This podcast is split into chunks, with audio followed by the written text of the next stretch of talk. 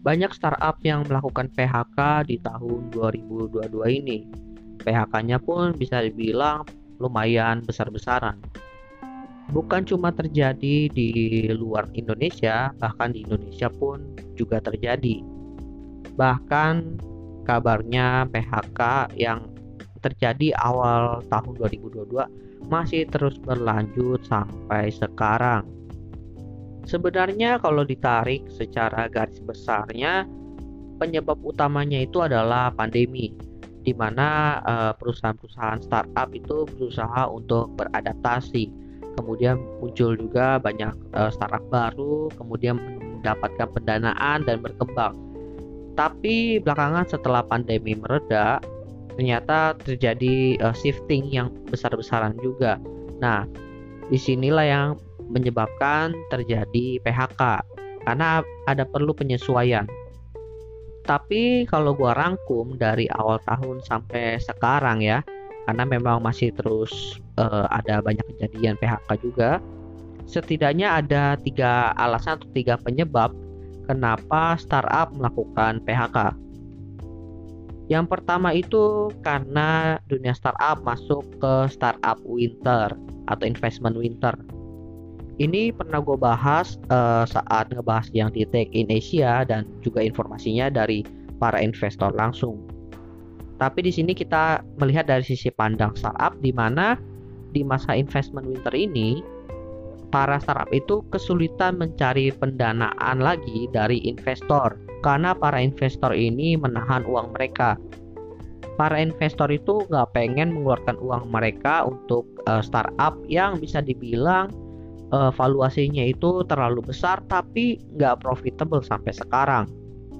Selain itu, ketimbang kita taruh uang kita atau sebagai investor uang investor ke startup dengan valuasi besar, sekarang banyak juga startup yang bisa dibilang baru merintis, tapi dalam setahun itu bisa mendapatkan profit atau waktu mendapatkan profitnya jauh lebih cepat daripada startup-startup lama ini.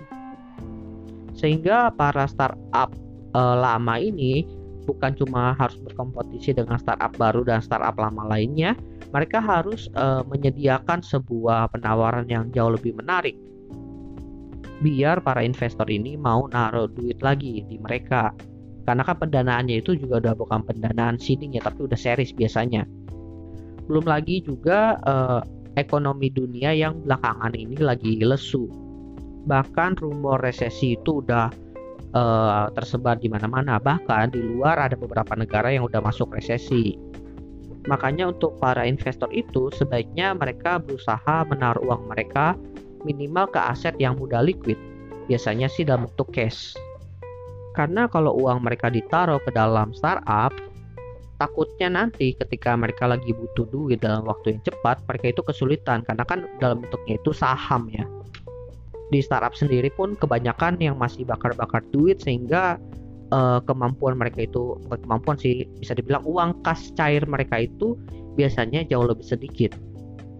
Makanya startup ini pun harus berusaha mencari pendanaan dari investor yang memang sudah punya portofolio yang bagus dan juga solid dari segi uh, aset yang liquid. Artinya jenis investor yang mereka targetin pun juga semakin kecil juga. Udah targetnya makin kecil saingannya pun juga banyak. Makanya bisa dibilang startup itu kesulitan mendapatkan funding. Padahal fundingnya ini kan pengen digunakan untuk operasional mereka kan. Lalu alasan kedua ya karena di saat pandemi itu startup banyak melakukan rekrutmen karena di saat itu orang-orang kan banyak yang di PHK terlebih orang-orang yang kerjanya itu memang nggak bisa WFH dan kebanyakan orang-orang yang uh, di PHK itu di saat pandemi mereka itu uh, harus mencari pekerjaan dalam waktu yang dekat sehingga kos yang mereka tawarkan untuk bekerja itu biasanya jauh lebih rendah daripada kos mereka pada umumnya. Sedangkan startup yang saat itu eh, rata-rata uh, teknologi bisa bekerja secara work from home, mereka itu bisa bergerak atau berkembang dalam waktu yang cepat juga. Nah, untuk itu produk-produk yang dikembangkan pun harus cepat.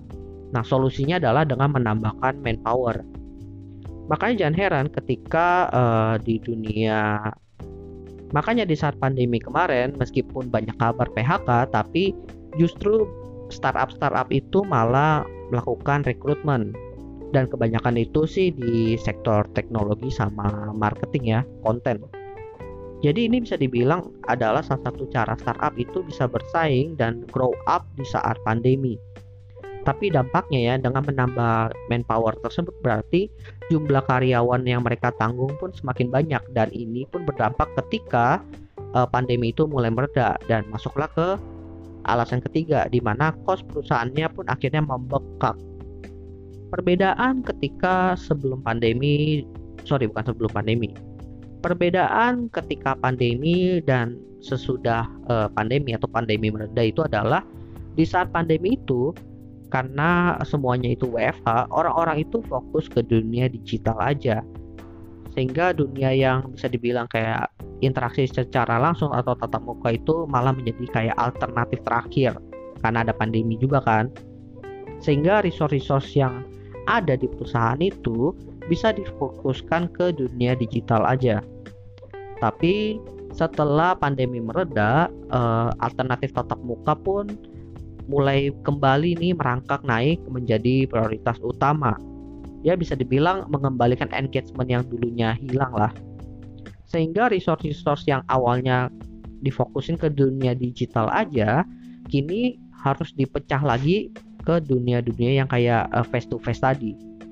Dan problemnya adalah kalau di saat pandemi lu itu harus fokus di satu environment aja digital. Sedangkan ini kan harus dunia yang face to face juga. Mungkin dua atau tiga environment berbeda sehingga costnya pun jauh lebih besar.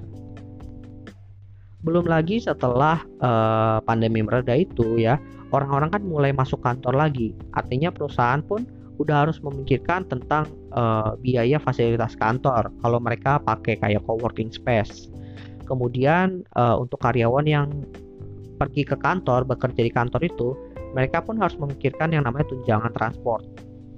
Makanya kombinasi dari uh, kos baru setelah masuk ke fase pandemi mereda itu, kos dari perusahaan itu membengkak. Kosnya semakin besar, tapi mereka nggak mendapatkan funding atau kurang dana yang liquid, akhirnya memaksa perusahaan startup ini untuk melakukan PHK. Lalu yang di PHK siapa? Ya orang-orang yang direkrut di saat pandemi tadi. Karena bisa dibilang orang-orang yang direkrut saat pandemi itu memang dikhususkan dalam kondisi pandemi itu aja. Tapi tentunya perusahaan startup itu tetap selektif ya kalau memang ada bibit-bibit yang uh, sangat berharga buat mereka tetap akan ditahan. Kemungkinan besar uh, hal ini pun akan terus berlanjut kemungkinan sampai tahun depan. Terlebih gue mantau juga ya tren-tren investment itu kayak gimana.